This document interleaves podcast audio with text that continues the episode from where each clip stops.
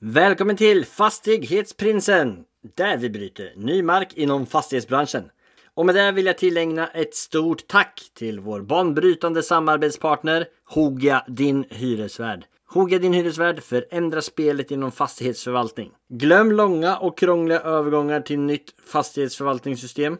Med Hoga Din Hyresvärd tar du klivet på bara några dagar oavsett om du har fem lägenheter eller 5000. Snabbt, smidigt och enkelt.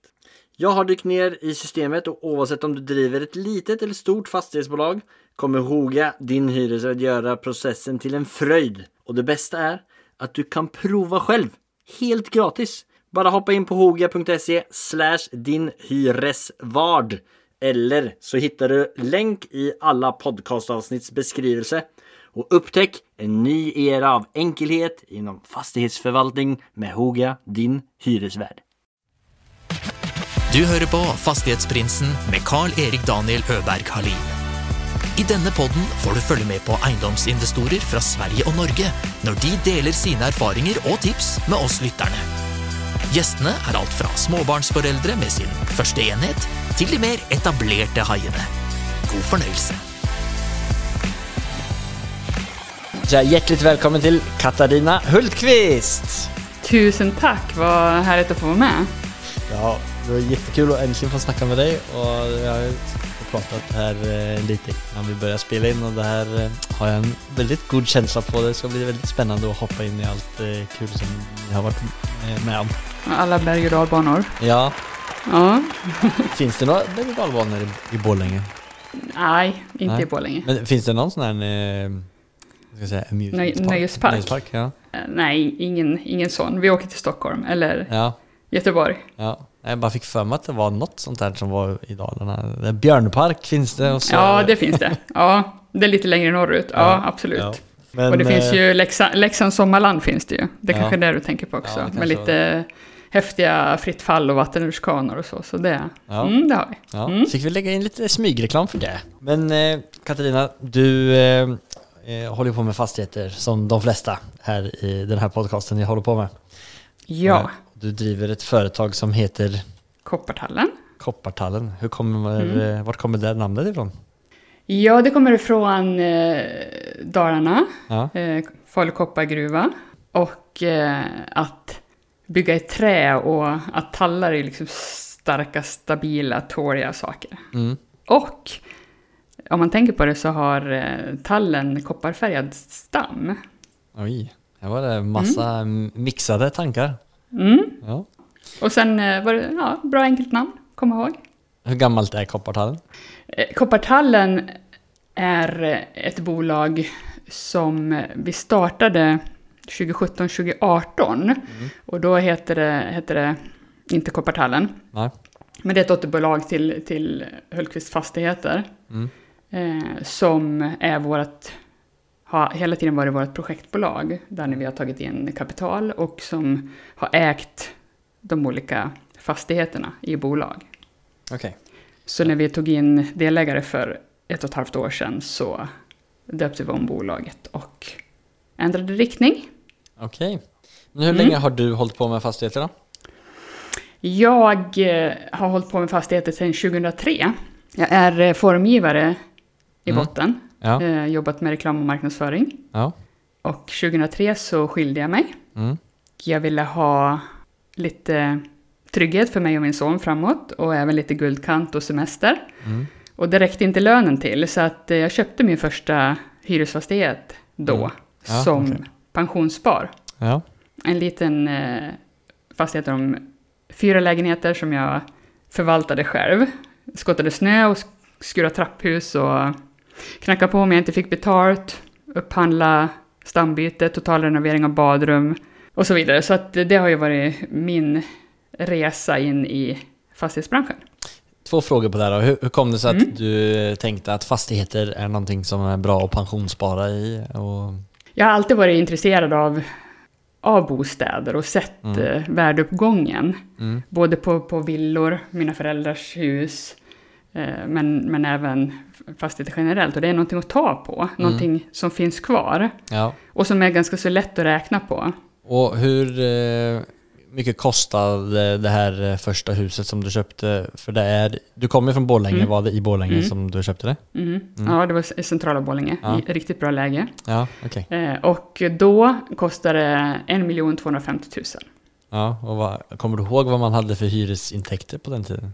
Oh, det kommer jag inte ihåg, men jag har kvar någonstans eh, min kalkyl som jag hade, en A4 som jag hade med mig till banken. Mm. Ja, De, eh, Den var, var i alla fall så pass attraktiv så att de tyckte att det var, att det var värt att stötta. det var värt att stötta. Mm. Eh, men eh, då startade jag en enskild firma för att eh, då var det fortfarande så dyrt att ha fast äh, aktiebolag. Mm. Dels så var det fortfarande eh, 100 000 kronors bolag och sen, Att man Var var tvungen att ha 100 000 i egenkapital för att starta det? Ja. ja. ja, eh, plus att eh, administrationskraven, eh, liksom, eh, redovisningskraven för ett AB var ju också eh, ja, mer omfattande. Mm. Och krav på revisor och så vidare. Så, att, eh, Ja. så jag startade som enskild firma och sen så jobbar jag heltid. Så att eh, lärdomen där var ju att eh, all, all vinst Mm. Vart ju väldigt högt beskattad eftersom det vart ju som en, en inkomst ja, för mig. Mm. Så då puttade jag ju verkligen tillbaka alla pengar för att eh, öka värdet på fastigheten. Ja. Och då ja, renoverade jag, Mm. bytte stammar och Mm. ytskikt på badrummen och, ja, men och så vidare. Så att jag puttade tillbaks för att öka värdet. Så. Mm. Och det var 2003 sa du? Mm, mm. Och... 2007-2008 då eh, startade jag ett AB och började hyra ut mig själv som inom reklam och marknadsföring. Och då lyfte vi in fastigheten i, i det bolaget också. Ja, Mm. okej. Och Så då tog vi nästa steg. 2007-2008 då hände det ju lite Mm. saker runt omkring i världen och speciellt kanske i fastighetsbranschen också. Precis, men eh, det drabbar inte mig efter sen eh, en liten fastighet, Mm. superbra läge, Ja, eh, så det tuffade på, var uthyrt och jag hade... Vad, vad som hände också, det var ju att eh, räntan gick ju ner hela tiden. Så Ja. det var ju någonting, skulle jag binda räntan eller inte? Och det gjorde jag inte eh, under hela den tiden. Eh, men jag höll noga koll på ja. om jag skulle behöva binda den. Mm. Då, då, startade du, då startade du ett aktiebolag och körde uthyrning som konsulent och hyrde ut eh, din, fortsatte din fastighetsuthyrning. Eh, uthyrning. Mm. Mm. Eh, Mm. När kom det här, eh, nästa steget från, liksom, Eh. som, som gjorde att du kanske Ja, började nästa satsa lite mer på steg- det? Ja, nästa steg var strax efter så köpte jag och min man eh, nästa fastighet. Så Mm. eh, sammanlagt så ägde vi och förvaltade 30 hyreslägenheter. Då? Utöver våra, ja, utöver våra riktiga jobb som han gärna uttrycker det. Ja, okej. Ja, Så men vi- alltså, ja, alltså, så ja. då, men, Vi jobbar när, heltid började ni, när började ni köpa på er fastigheter då sa du? Ja, vi köpte en till fastighet. Mm. Så att eh, sammanlagt så, så ägde vi två fastigheter men eh, totalt 30 lägenheter. Oj, så det måste ha varit ett ganska stort hus med... Ja, Mm. eh, 24 lägenheter i, i, fördelat på två huskroppar. Det Mm. är den som vi, vi köpte. Mm. Vilket år var det? Eh, nu ska vi se här. Var det 20... Ja, 2008? 2007, 2008? 2008. Ja, det var samma veva som vi, som vi köpte, eller som vi skapade på aktiebolaget. Okej. Mm. Vad kostar ett sånt hus och hur klarar man av att få finansieringar eh, på det? En så pass relativt ung fastighetshistorik.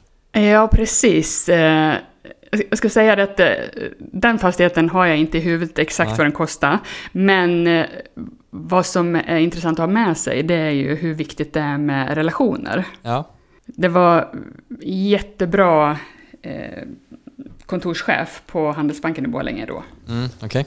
Eh, och eh, just tilliten till att tro på och vilja se möjligheter från en kontorschef Ja. och se värdet i fastigheten gjorde ju att eh, eh, vi fick eh, lån, ska Mm. jag säga.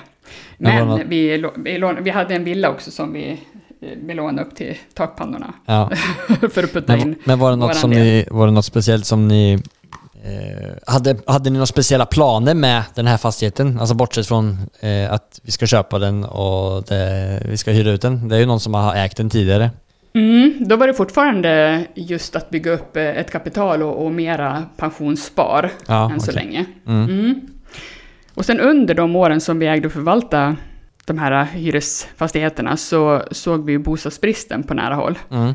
Vi syndes ingenting eh, reklammässigt någonstans och vi hade inte en outhyrd lägenhet. Nej, okej. Utan eh, ja, vi hade ju våra, eh, vårt fastighetsnamn i trappuppgångarna så att våra hyresgäster skulle enkelt kunna få tag i oss om det var någonting. Och Mm. ändå ringde personer och undrade, har ni ingenting? Har ni någon kö? Ja, Har ni någonting ledigt? okej. Och så. Mm. Ja. Så det sådde ju fröet till att eh, vidareutveckla. Mm. Ska vi bara äga och förvalta så är det ju ganska mycket jobb. Mm. Men det är ju ändå inte så man kan leva på 30 lägenheter. Så ja, ska vi ta steget vidare så min första idé, vi hade en stor tomt, 7000 kvadrat. Det var ju att stycka av den och bygga stadsradhus fast på landet. Stadsrådhus. Ra- äh, stadsradhus. Ja, radhus, ja. Vet, ja, ja. Så bygga ett rådhus mitt på landet. ja, nej. Nej. Eh, utan ja, man tänker liksom, eh, många vill bo smidigt i radhus, men alla vill inte bo mitt i stan. En Nej. del kanske vill ha samma smidiga boende, fast närmare naturen. Så Mm. det var väl det som var grundtanken. Mm. Så jag kontaktade kommunen och frågade om inte det skulle kunna vara aktuellt. Och det tyckte de inte var en bra idé. Nej, de tyckte inte. Det var, nej, det, det skulle inte förtätas just där och det var siktlinjer mot någon sjö och, ja, och så vidare. Mm. Så då eh, frågade jag, var får jag bygga någonstans då? Ja. Och eh, då fanns det en, två parhustomter Ja. i ett område som redan var bebyggt. De här tomterna skulle saneras och eh, de hade inte blivit sanerade. Det var en, en BRF byggd sedan många år tidigare och så, så det var bara liksom ett grönområde som ingen hade tagit tag i. Och sen i och med den här bostadsbristen och, och så var det fler som hade sett samma sak som jag, så det var tre före mig exploatörer som hade försökt att sälja på ritning och bygga på de här parhustomterna. Men det var riktigt tajta tomter. Mm. Eh, så där fick vi möjlighet som fjärde aktör att ta över. Okej, men eh, Och- stoppa det Mm. lite där. Eh, Mm. Bara, hur, hur fungerar det här med samarbetet med kommun? Alltså, ni är, du ringde kommunen, Mm. säger hej. Mm. Eh, frågar du då, har ni några tomter som jag kan bygga på? Alltså du äger in, Ja. in, inte tomterna utan du frågar kommunen, har ni någon Mm. tomt som ni vill ha byggt? Alltså som det är Ja. reglerat Ja. till att vara bostäder på. Mm. Eh, men eh, vad är, vad är, eh, vad är, här var det någonting som inte var sanerat. Vad var det för typ av tomter då? då? Ja, det hade varit eh, något eh, så sågverk Ja, på okej. den platsen sedan tidigare, så att eh, det var olja som skulle saneras. ja. Så det gjorde, så det gjorde kommunen. Ja. Men det gjorde de ju först när vi hade sålt på ritning Mhm. och innan vi tog över. eh, Då, då, då sa de, ja Mm. de här tomterna och det hade varit tre stycken eh, företag före er som hade Mm. eh, reklamerat och, och försökt sälja, alltså, eller reklamerat. Ja, tre eh, före hade haft eh, markanvisning, Mm. eh, men lämnat tillbaks markanvisning, inte lyckats sälja. Markanvisning betyder att man har... eh, Att man får möjlighet. option, typ. Mm, Ja. mm. Att Okej. man får möjlighet att, att eh, eh, se om man kan bygga på den här platsen och sen då ha rätt att köpa marken av kommunen. Mm. Hur, hur, hur länge håller en sån här eh, markanvisning? Det är lite olika, men eh, ofta brukar de sätta ett halvår. Ja, och så på det halvåret, vad är det man Mm. försöker att göra då? Då försöker man, eh, ja men som i det här fallet så eh, tog vi fram ritningar, vad vi ville bygga. Mm. Tog fram illustrationer, hur det skulle se ut. Och eh, kontaktade mäklare för att sälja dem på ritning. Mm.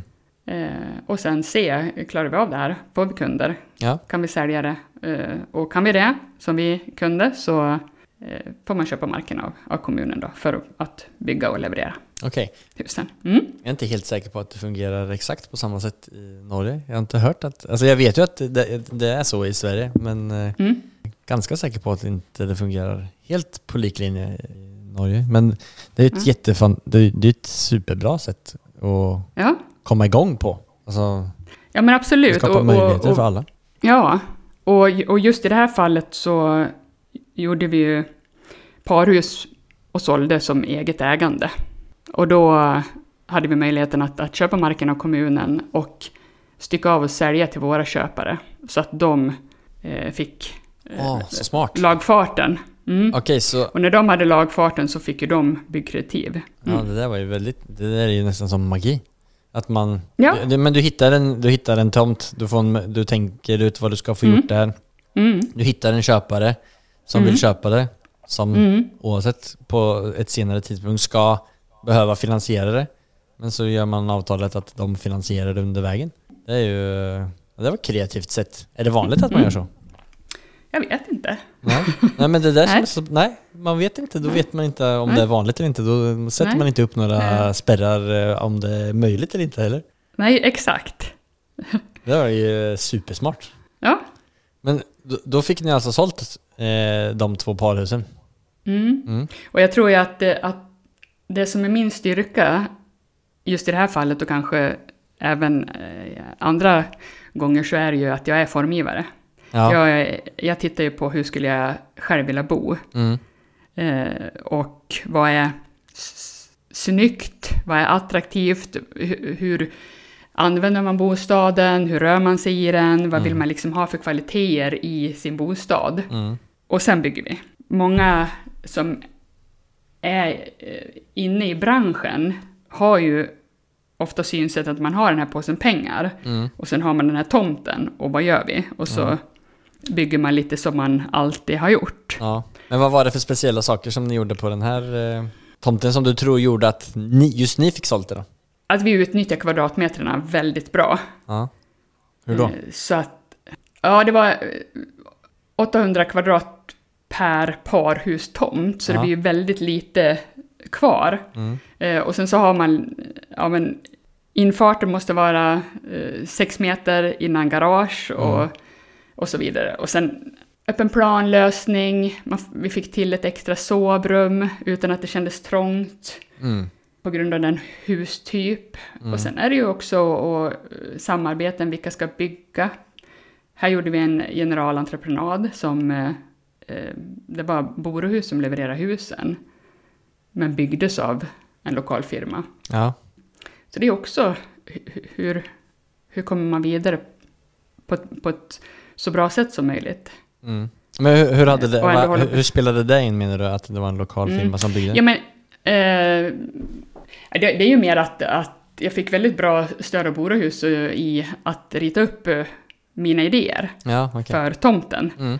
Och att jag då hade bra underlag för att upphandla Mm. själva byggnationen. Mm.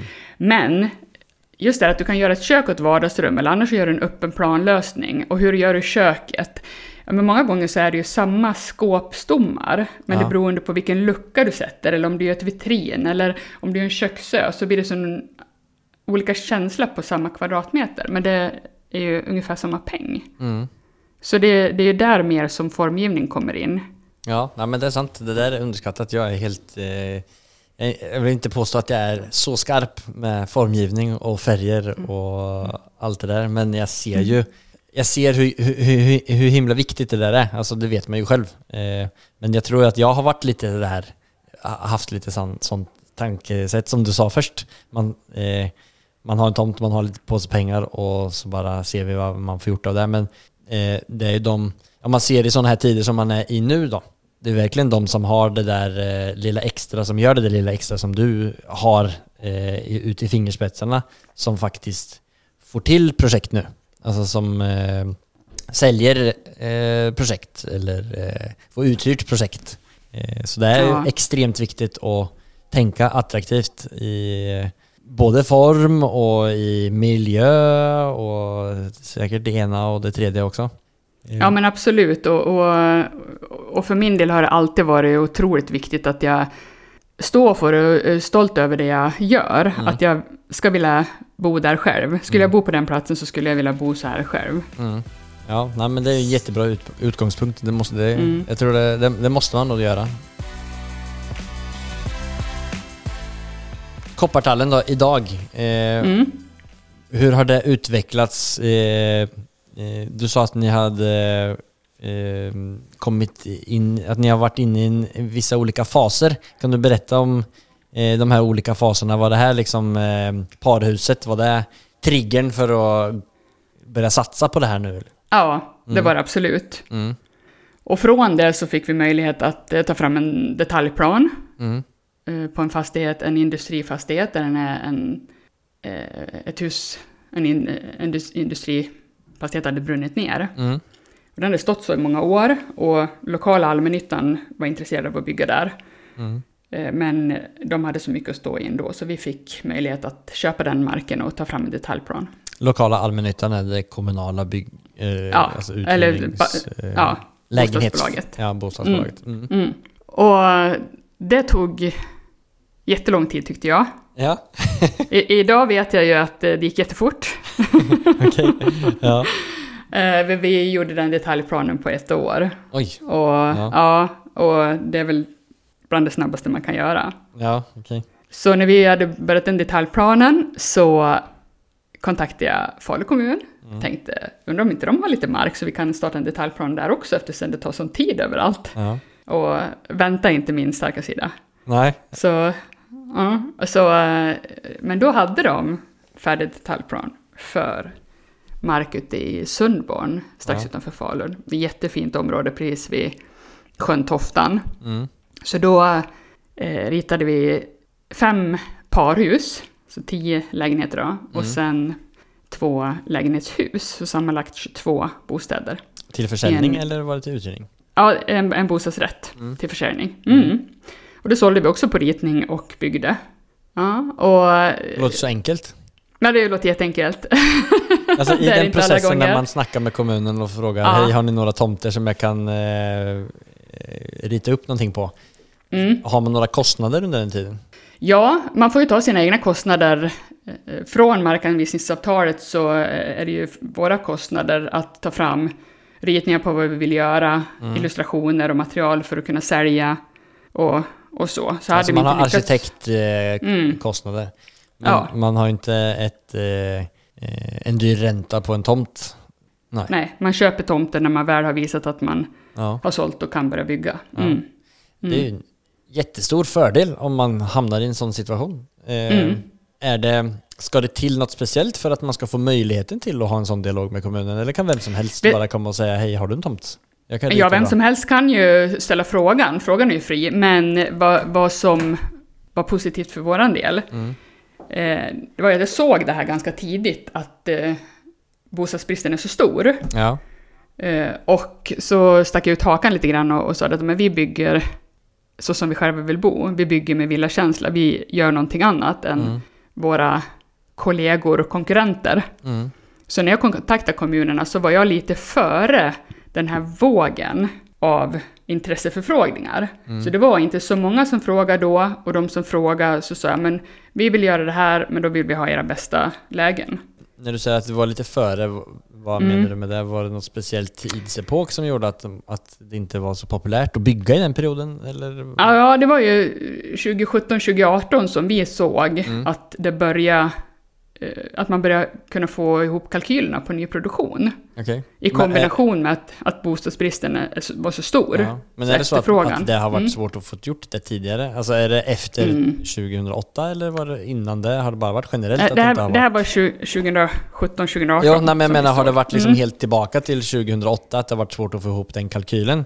Eller? eh, Ja, jag skulle säga det. Även om man tittar på att bygga en privat villa så har det varit statliga stöd och där vi är idag så är vi tillbaka igen att det är svårt att nyproducera och ha samma eller högre värde Ja, okej. på fastigheten när den står där dag ett. Mm. Men att, eh, att äga och förvalta över tid Mm. ger ju en ökning. Så Men finns det några stöd, eh, eller har ni fått några stöd, alltså kommunala stöd eller eh, något sånt när man bygger någonting? Finns det något sånt att få? ja, det har ju funnits Ja. investeringsstöd. Ja. Mm. Vi har inte använt det för att eh, dels har vi byggt bostadsrättsföreningar så de har inte varit stödberättigade. Nej, men det är kanske uthyrningslägenheter om man bygger sånt som man Ja, på. mm. Ja. Eh, tyvärr så eh, har ju världsläget eh, gjort att eh, de investeringsstöd som fanns och som vi också var beviljade delvis har, har vi tackat nej till för att eh, inflationen och, Ja. och det som har hänt i världen gör att eh, hyrorna blir så låga så att eh, investeringsstöden är inte aktuella längre. Nej. Så vi får väl se om, om regeringen kommer, kommer fram med något mer stödpaket för att få igång byggandet, för det är ju tvärnit. Hur, hur, eh, hur står ni då? Alltså ni bygger ingenting just nu eller? vi ska igång med ett projekt nu Mm. i centrala Borlänge som eh, vi gör ett lite annorlunda boendekoncept. Mhm. Berätta om det. Där, eh, där det händer ju otroligt mycket positivt i södra Dalarna. Ja. Det, det är mest eh, fokus i Sverige på Norrland och den gröna industrirevolutionen, eller vad man ska säga, utvecklingen. Men samma sak händer i Dalarna, där Hitachi redan är världsledande i sin eh, nisch. Vi- med, med, med vad ska man säga, strömöverföring från eh, vindkraft eh, i, i hav till in till land. Och, Mhm, och, eh, okej. mm, så de har ju rekordordrar och Ja. behöver anställa ja, 2000 personer idag helst. Jaha. Det går ju naturligtvis inte. Nej, men okej, så, d- så Eh, det är en, mm. ett stort behov av folk som är tvungna och Ja. kommer att flytta till den här regionen. På grund Ja. av att man satsar så mycket på, det är, eh, det är många stora företag som satsar eh, på Många stora företag, ja. eh, Mm, förnybar energi i området. ja. Mm. Och i dialog en, med tillflyttning dit. Exakt. Och, och det är ju det som bolagen har svårt med, att få folk att flytta. Okej. Att man kan göra karriär i Dalarna. Dalarna Ja. är så mycket fritid och så här. Hej alla fastighetsvänner! Eftersom jag älskar kvalitet och pålitlighet vill jag introducera er till IMVIK, byggföretaget som skapar mästerverk i Oslotrakterna. Möt Frank, grundare av IMVIK och hör deras resa i avsnitt 145 i Fastighetsprinsen Podcast. Där lär ni känna historien bakom företaget, deras passion för byggprojekt och hur de tar varje utmaning till nya höjder. Varför kommer jag att välja IMVIK framöver? En totalentreprenör och din partner från idé till färdigställande med expertis inom alla byggtjänster. De levererar kvalitet. Varje projekt behandlas med omsorg och expertis för att säkerställa enastående resultat. Och det viktigaste av allt är pålitlighet. IMVIK levererar i tid och på budget med transparent kommunikation och inga överraskningar. För en skräddarsydd och pålitlig byggupplevelse kontakta IMVIK idag. Kontaktinformationen hittar ni i alla podcastavsnitts beskrivningar. Ja, musik och Mm. natur och skidåkning och friluftsliv. Men eh, det är så häftiga bolag som etablerar sig och som utvecklas. SSAB ställer om till fossilfritt stål. Mhm. Eh, och den omställningen är också enorm. Men det är ju egentligen den optimala drömmen, att kunna Mm. eh, köra karriär och ha när, eh, alltså i en, eh, i en väldigt fin miljö. Exakt. Ja. Så det är ju det som regionen jobbar på nu, att ändra bilden eller förtydliga bilden av vad man kan få i Dalarna. Mm. ja men berätta om ert koncept då, som Mm. riktar sig Mm. mot de här då. Precis, och då tänker jag så här att ja, men, vi vill få folk att flytta till Dalarna. Eh, företagen behöver det för att kunna utvecklas som de kan och har möjlighet. Och samtidigt så är det så många som är ensamma. Och det lägenhetsutbud som finns idag är väldigt eh, slitet och utspritt. Mm. Jag är själv hemvändare så jag har ju sökt eh, lägenhet i, i regionen och det är inte så roligt. Nej, okej, där, man, där man hittar. Nej. Även om man ska köpa någonting så är det ju väldigt ofta renoveringsbehov även på bostadsrätter och så. Mm. Då i kombination med både att få folk att flytta till regionen, men också vad man saknar om man ska sälja sin villa för att få igång flyttkedjorna, för att frigöra eh, eh, villor till barnfamiljer till exempel. Så, så, så vad är det som krävs? Vad kan vi tillföra? Vad kan vi bidra med? Mm. Och eh, då har vi en fastighet som vi har dels klassiska vanliga lägenheter. Mm. Sen har vi ritat eh, kvadratsmarta mindre lägenheter. Du har din, din, din egen lägenhet, du har ditt eget kök, badrum, eh, du har en fullutrustad eh, lägenhet, men du har också gemensamma ytor. Ah, lite så Mer- co-living. mer som- Ja, Koncept. fast ändå inte co-living. Det är mer hotell, fast inte hotell. För vi vill definitivt inte konkurrera med hotellen. Utan de här kvadratsmarta bostäderna är ändå mer en bostad än ett hotellrum. mm. Okej. Men just i att kunna ja, men både bo mer hållbart Mm. och också få ett socialt sammanhang. Mm. Att lättare förstå, hitta vänskap och, och skapa kontakter. Det är ju vi svenskar som är lite så här, nej, prata inte med mig och, och Nej, men så du, ni försöker lägga upp till en sån här liten vridning på en, eh, ett eh, kollektiv, hotell, eh, fast man har sitt eget space och eh, Ja, bjuda in till möten. bjuda in till möten. Ja men precis, Ja. alltså, det kommer flytta Mm. två, 2000 eh, folk imorgon till Borlänge och ingen Ja, känner någon. Och Mm. så eh, ska de hitta någonstans att bo. Och så är det fint Mm. liksom, så lägger ni upp en mötesplats för alla de som kommer dit. Så att de ska Mm. trivas och Borlänge bara och Hitachi flyger till himlen. Ja. Smart. Det var jättebra eh, sätt alltså, av situationen och en Mm. väldigt fin, eh, ett fint värde i den kedjan Mm. att, ska, att skapa och en fin möjlighet i, sin tur också för er. Eh, väldigt, Ja, men eh, absolut. väldigt spännande. Ja, det ska bli jätteroligt. Ja. Och, och det är så många aspekter på det här. För dels så att dela yta. Mm. Att inte alla har en stor villa och stora vardagsrum och sådär. Men ändå att man har tillgång till det. Mm. Vi behöver inte ha ett gästrum som står tomt över tid Nej. för att våra vänner kommer att hälsa på några gånger om året. Utan vi har en lägenhet som man kan hyra då. Mm. Eh, vi har en stor reception och med braskamin och, och så, så man kan gå ner och sätta sig och umgås eller bjuda in till, till fika eller Ja, ja, men så. så. supersmart. Mm, Eh, ja, men det där var ett jättekul koncept. Eh, mm. Vi snackade lite innan att du hade, ni hade varit borta i någon situation som var lite knivig. Ja, absolut. Eh, under resans gång Mm. från parhuset till de bostadsrättsprojekt som vi har sjösatt så mitt i slutskedet av ett av de större så gick totalentreprenören i konkurs. Okej, Mm. det är inte så kul.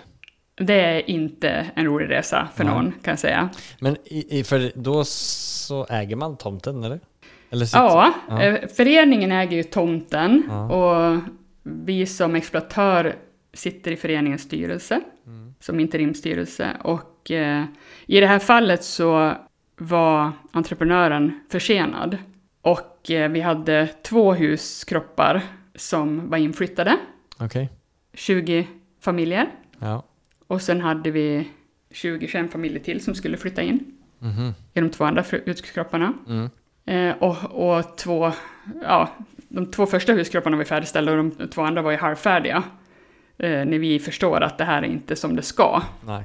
Och vad gör man? Ja. Och vad har man rätt att göra? Och, och inte och så. Ja, berätta lite vad, vad, vad ni gjorde då och, vad, och vad, hur gången Ja, gick det. eh, vi- hade väldigt bra dialog, tack och lov, med den anställda ledningen. I ägarna av, av bolaget, ja, Mm. för ägarna av byggföretaget eh, skötte det inte snyggt alls. Nej. Men eh, så vi hade dialog där, kommer de sätta det i konkurs, vad händer och vad gör man? Och, Mm. och samtidigt så hade vi ju dialog med våra advokater då, vad, liksom, vad får man göra? Ja. Vad kan man göra och vad måste man göra? Mm. Så vi, vi hävde kontraktet strax innan konkursen, annars hade ju hela föreningen fastnat i konkursbot.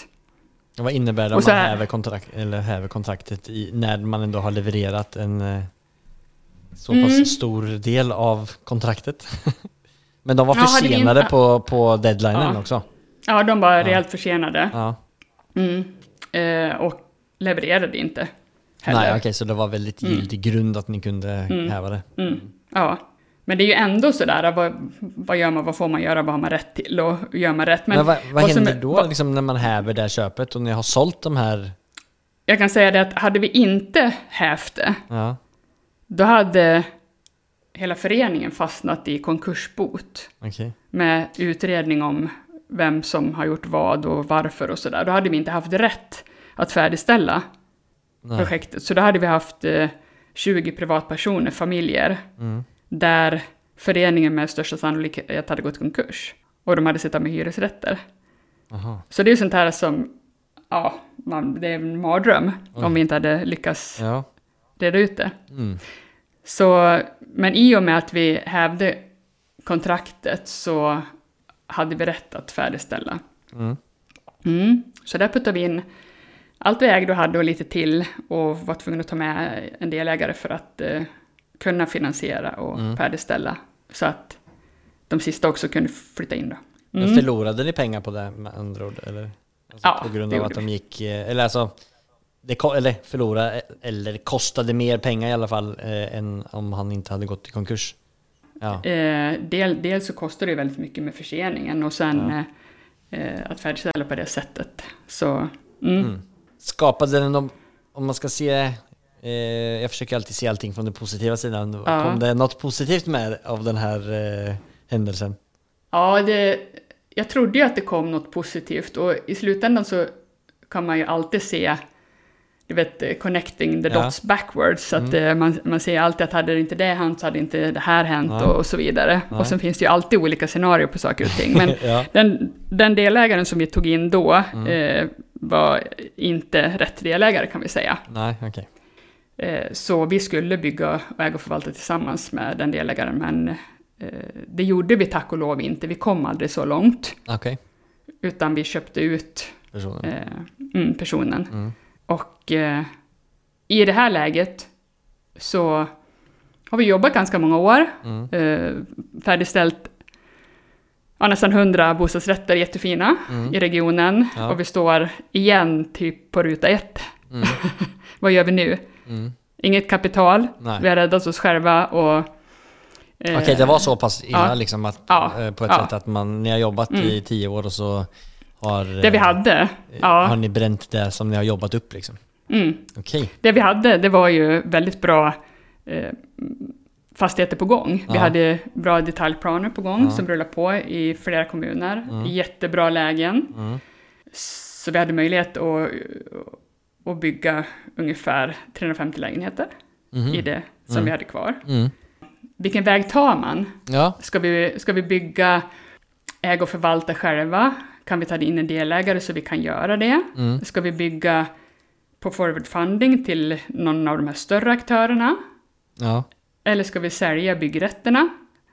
Och då, eh, i den vevan, så kontakta Omid Agabai mig. Han som har varit med i podden här också. Mm. Mm. Eh, vi hade aldrig träffats, men vi hade pratat på telefon. Mm. För, för, först, till första projektet som vi skulle ta in riskkapital till, då jobbade han på Tessin. Mm, just det. Men han slutade precis då. Jaha. Så vi hade bara jättebra dialog. Mm. Tessin var inte så stora som de är nu, Nej. så de hade inte möjlighet att ta in hela kapitalet i en vända. Nej. Så det blev inte de som vi tog in kapital med. Men vi, ja, connectade på LinkedIn och sådär. Mm. Och sen hade vi inte hörts av på alla år, Mm. och sen, eller på ett antal år. Ja. Sen hörde han av sig för att eh, deras eh, PropTech-hub Mm. eh, med att utveckla eh, teknik i, i fastighetsbranschen, Mm. driva, driva den utvecklingen, Mm. så undrade han om inte vi ville kika på uppdatera vår hemsida Mm. mer, eh, med, med mer inriktning mot teknik och, Mm. och förvaltning. Mm. Och vi kunde tänka oss att ta ett förutsättningslöst möte och det tyckte jag absolut. Mm. Eh, och då kom jag på, ja, men han är ju en bra person Ja, visst, verkligen. att bolla med. Mm. Så då kontrade jag med, men kan jag få en halvtimme av dig Mm. och bolla lite, vilken väg ska vi ta? Mm. Så då träffades vi och han fick höra om resan Ja. från eh, våra samtal på Tessin-tiden tills då för ett och ett halvt, två år sedan. Mm. Eh, och då sa han att, ja men är det så att du vill bygga bolaget så är jag gärna med på resan och vi hittar en bra delägare som, som passar det här bolaget. Mm. Mm. Och det gjorde vi. Ja. Så det är där vi är idag. Mm. Och, och vilket år var det här då?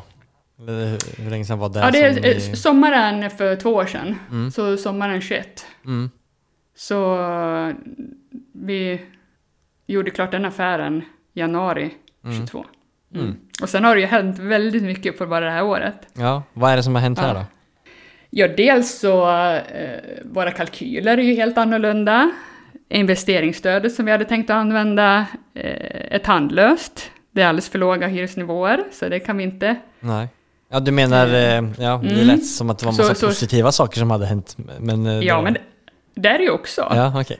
Eh, ja, ja, men det är det ju också. Så, eh, där vi hade tänkt att börja bygga, har byggloven fastnat i processer hos Länsstyrelsen och Mark eh, och Ja. Miljööverdomstolen. Ja. För eh, som hos så många andra så är det ju väldigt mycket bygg gärna men inte hos mig. Att det är grann, grannar som överklagar och sådär. Ja, ja, ja.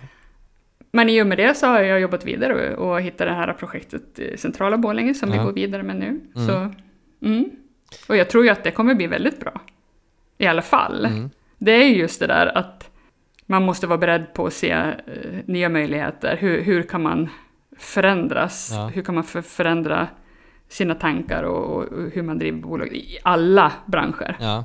Alltså, när, Du framstår ju som att du är väldigt eh, positiv och du alltid eh, ser det positiva i saker och ting. Alltså hur var det i den här perioden Mm. när, när han, eller entreprenören gick i konkurs och ja, det var ju många sömnlösa nätter. ja, Det kan jag ju säga. ja, Men jag har en, eh, ett driv och en positiv grundsyn på saker och ting. Och jag har en kreativ hjärna. mm, Så, och, och ja, men liksom, det är ju bara att fortsätta. Var, var, det Churchill som sa det? Liksom, går du genom helvetet så är det bara att fortsätta gå. ja. vad är det som driver dig i det här då? Alltså vad är det som gör att du ändå Mm. Har du något så stort slutmål eller vad är det som eh, får dig att gå igenom den här hela tiden och med ett leende på läpparna? Ja, från början så var det ju, ja men både den här äh, att, att skapa någonting, Ja. att bygga någonting Mm. som, som inte finns i den här regionen, att kunna skapa bostäder så som jag själv vill bo, Mm, att, att tillföra. mm, Och det är ju fortfarande väldigt, väldigt starkt. ja, Sen är det ju eh, att få till affären, ja, som också triggar. Men framför allt att eh, vad kan vi bidra med? mm, Vad är det som behövs? Hur kan vi samverka med den här regionen? Vad, vad kan vi göra? Mm. Hur kan vi göra det här bättre? ja. Det är väldigt spännande att tänka i de där banorna. Alltså allting handlar ju om att skapa värden. Men Mm. eh, att skapa värden kan man ju göra i så många olika lager. Man kan Mm. skapa värde på det enklaste sättet, alltså när man snackar om eh, fastighetsutveckling så handlar det ju, alltså det första är ju du snyggar till utområdet och du eh, Mm. målar och eh, lägger på lite fina ytbehandlingar. Men när Mm. du börjar komma in i den här nivån så, är- det tyckte jag, eh, sådana här samtal tyckte jag var ganska tråkiga i starten, eller alltså när jag började intressera mig för fastighetsutveckling. När det blev så lite för stort och man började snacka om eh, utveckling av eh, ja, men regioner och vad, men, men det är ju det, man kommer ju dit bort om man tänker stort. Alltså om man vill ju utveckla mycket. Om man vill Mm. bygga 10 eller om man vill bygga eh, 100 lägenheter till exempel. Mm. Alltså för att man ska kunna fylla ut dem om det är hyresrätter eller bostadsrätter. Ja men då måste du Det finns inte en så stor marknad. Då måste du tänka så pass eh, liksom allmänhetsnyttigt. Mm. Eh, och annorlunda. Ja, Mm. och annorlunda Mm. precis. Och det, det har jag väl börjat att tycka är väldigt kul eh, nu. Så det Mm. här eh, inspirerar mig massor och eh, jättekul eh, koncept eh, och lycka till jättemycket med det alltså. Ja, men tusen tack. Det ska bli så roligt att få för, förverkliga det här. Ja. Ja Mm. men det är jag helt säker att ni kommer att få till jättebra, det ska jag följa med på. Nu Mm. hoppar vi vidare till vårt nästa segment som Mm. heter Affärsanalysen. Mm. Eh, och det är det segment där vår gäst delar med sig om en genomförd affär som den har varit med om. It has not been easy for me. And, you know, I, I started off in Brooklyn. My father gave me a small loan of a million dollars. Affärsanalysen. Finns det någon speciell som du kan eh, dela med dig om? En bra eller dålig? Ja, eh, jag, kan, jag tänker att jag kanske ska dela med mig av ett sätt att göra en affär som, Jättegärna. som också kanske inte är så självklar. Mm. Eh, och här ska vi inte säga för mycket vart och så, utan mera principerna, så Ja. hade vi möjlighet att eh, förvärva ett ganska så stort område, jättebra läge. Mm. Och det var nästan 100 bostäder. Ja.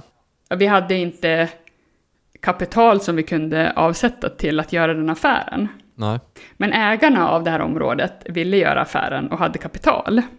Okej. Så men vi var ju lite sådär försiktiga med att många kockar, Mm. eh, ja liksom ingen bra soppa sådär. Nej. Eh, och, och vi- vilka ska man kroka arm med och, och så. Så då, då gjorde vi så att eh, vi, vi, vi gjorde etapper Okej. av det här området. Mm. Som skulle bli till slut en stor BRF. Men varje etapp skulle kunna stå för sig själv om vi inte skulle kunna komma vidare. Mm. Och första etappen gjorde vi så att eh, vi sålde bostäderna, eh, byggde dem och säljaren sköt till byggkreditiv, kapital, under Mm. byggtiden. Mm. Alltså lite samma tänk som ni gjorde med de där parhusen i starten.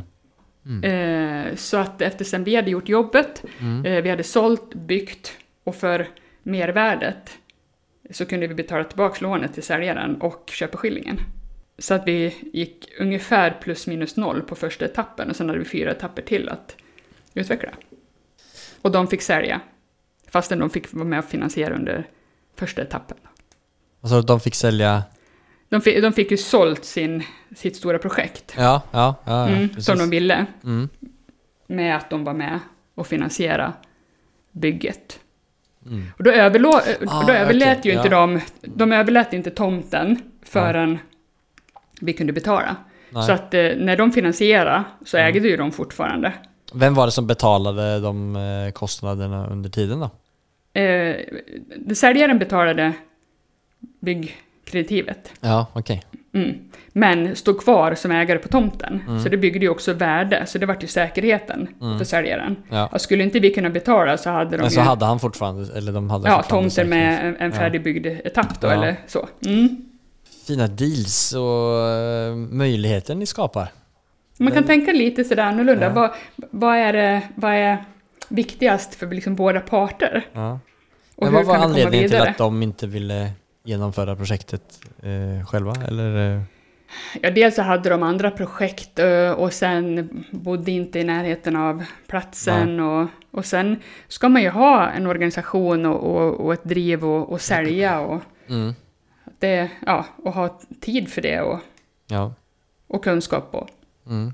Så egentligen det Mm. du säger är att man ska egentligen försöka se möjligheterna i tomter som egentligen bara står där. Man vet att det är någon annan som äger dem, även om det är någon stor eh, rackare så kan det Mm. vara en möjlighet. Och Man kan se, hitta man vet inte framåt. riktigt vilken eh, situation ägaren sitter i som gör det kanske att det är Exakt. möjligt att man kan Ja. få till någon kreativ sak om man Mm. eh, är en driftig eh, person som är villig till att göra det de inte är villiga till att göra. Exakt. Ja. Så det är egentligen Mm. det jag tar lärdom utav det är egentligen bara att det, hur viktigt det är att gå i dialog.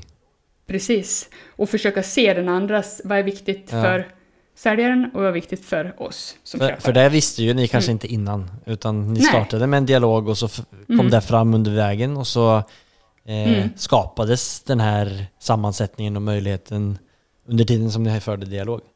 Ja, absolut. Mm. Ja, mycket bra, mycket bra tips och eh, tack för att du delade med dig det. Det där var väldigt lärorikt. Mm. Toppen. Vad kul. Då moonwalkar vi vidare till vårt nästa segment som Ja. heter Fyra frågor. Det är de fyra samma frågorna som vi ställer våran gäst.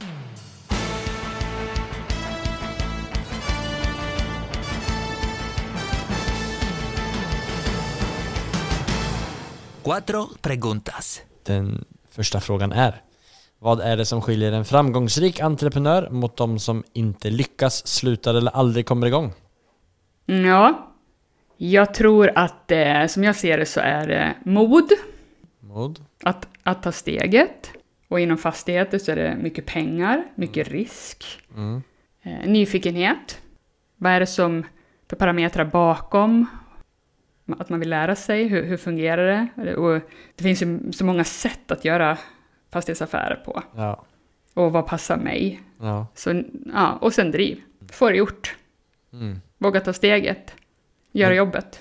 Det är ju som med allt. Eh, det är ju ett entreprenörskap och något nytt som man gör. Man måste ju verkligen tycka om fastigheter eh, för att fortsätta med det. Alltså, Mm. det är ju många som kanske köper en lägenhet eller köper ett litet uthyrningsobjekt eller försöker sig på att bygga något en gång och sen så eh, var det inte så passivt som man trodde att det skulle vara som någon har sagt. Exakt. och så säljer man av det och går vidare till något annat. Mm. Mens du som får käftsmäll efter käftsmäll och hamnar tillbaka på ruta ett och sitter här och är glad och eh, hittar Mm. nya samarbeten och ser jättetaggad ut för att skapa det här nya konceptet i Borlänge. Mm. Du har ju en passion som, en passion som eh, verkligen finns där. Och det, det, det får man inte glömma tror jag. Att, man, att Nej. det är det som, eh, som, som tar fram alla de här sidorna av en. Ja, precis. Det har du rätt i. Mm. Och andra frågan, om alla fastigheter var tillgängliga för dig, om pengar inte var motivationen, vilken fastighet hade du förvärvat och varför? Och det finns ju en mängd häftiga fastigheter. Ja. Men eh, jag landade i eh, Copperhill Mountain Lodge. Cop- och The Villa. Vad sa du? Eh, Copperhill Mountain Lodge i Åre. Och The Villa som hör till. Copperhill, jag så- måste googla här, jag, jag vet Mm. inte vilken det är. Ja, det var ett coolt hus. Mm. Och sen om du söker på The Villa så kan man hyra den villan också. Är det där i, i Åre också eller? Ja, det hör ihop. Copperhill... Det sitter inte ihop men det är liksom hör ihop. Ja. Ja, det var en... eh, Det var en gedigen eh, byggnad. Mm. Ja, Både formgivningen och, och den villan och naturen och ja, det, Ja, den kombinationen. Väldigt, väldigt fint. Ja, det förstår jag. Då är Mm. du väldigt glad i eh, sån typ av natur antar jag. Åker du skidåkning. mycket skidor? Jag åker för lite skidor. Ja. Ja. Men jag åker gärna. du- Ja. När du- ja. när jag du ska får- åka mer, När du får The Villa så gör du det. absolut. Ja. Då, då kommer jag göra det var och varannan helg. ja. Du ett bästa boktips för en som är intresserad i fastighetsinvesteringar? Mm. Då tänkte jag att eh, det här är egentligen inte fastighetsinvesteringar, men ändå så är det det, tänker jag. För att eh, jag tycker att Petter Stordalens böcker är bra. Ja, ja men det han. Han är ju... Du är tillbaka till det där vi snackade om nyss med mindset. Mindset, driv, göra jobbet Ja. och sen också att se affärer på olika sätt. Han har ju också verkligen det. Ja. Eller också, det är ju där som jag liksom har börjat utveckla mitt eget sätt att, ja men hur kan man se på det här som andra kanske inte ser det. Mm, så både hans Min hemlighet men också äh, Äntligen vardag, älskar måndagar. Ja, Mm. nej, det börjar bli dags för mig att läsa dem igen faktiskt. De är, Mm. de är väldigt bra. Han är ju Mm.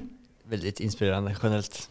Ja, verkligen. Så jag ser fram emot när han ska bli intervjuad i Fastighetsprinsen podcast. Han har eh, haft lite, han har varit lite upptagen så han har inte tagit telefonen, men snart. Snart så. Jag får önska honom då. Ja, ja det får du verkligen göra. Ja, Och sen när du stöter, stöter på honom där i eh, the, the Villa på era Mm. lördagsfester så får du, får Ja, men då han tipsar jag. ringa till prinsen. ja, japp. Jag lovar, då tipsar jag direkt. Så den, nämn det mest storartade, roliga, minnesvärda sättet som du har firat en genomförd affär eller seger på. Vet du att jag tänkte det att jag behöver tips från dig. För att eh, vi har bara gjort det här klassiska, lite champagne med vänner och, och kollegor. Mm.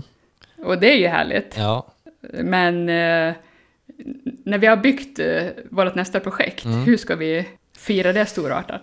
alltså det är många som, eh, eh, eh, som jag intervjuar här som svarar på, på den här frågan och säger och suckar och säger jag borde bli bättre.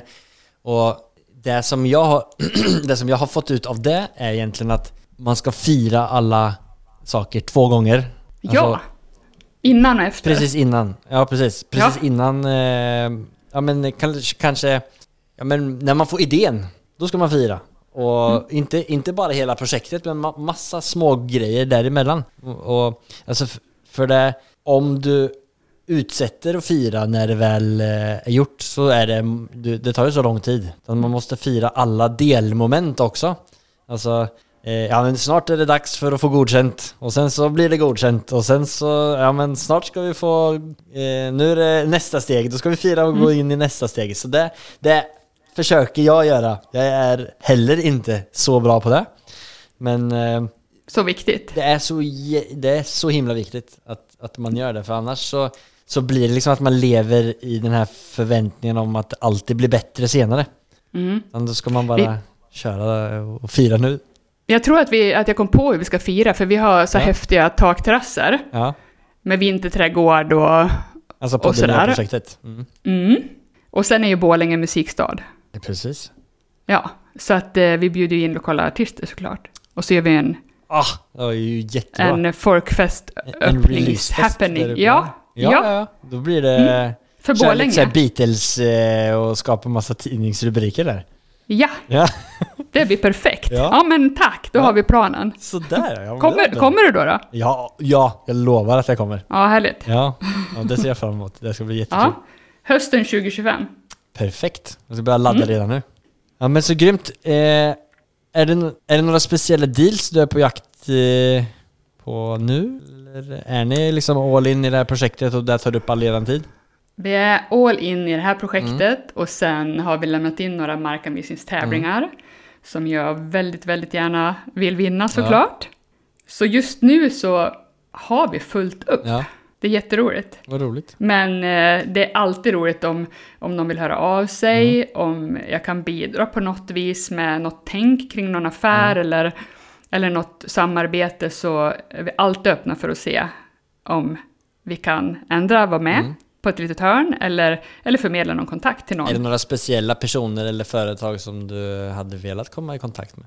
Eller bara generellt kreativa, driftiga människor som eh, kanske behöver din Mm. Ja. hjälp?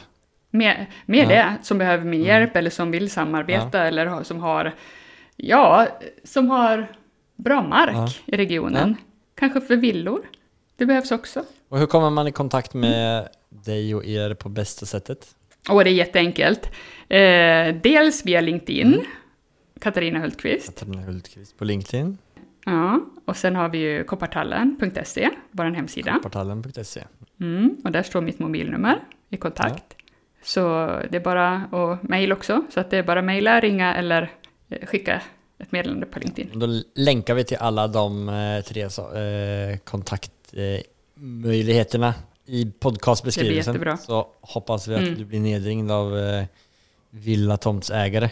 Ja, eller andra, Ja, andra andra bara folk. projektägare eller, eller nyfikna som bollar lite Ja. idéer.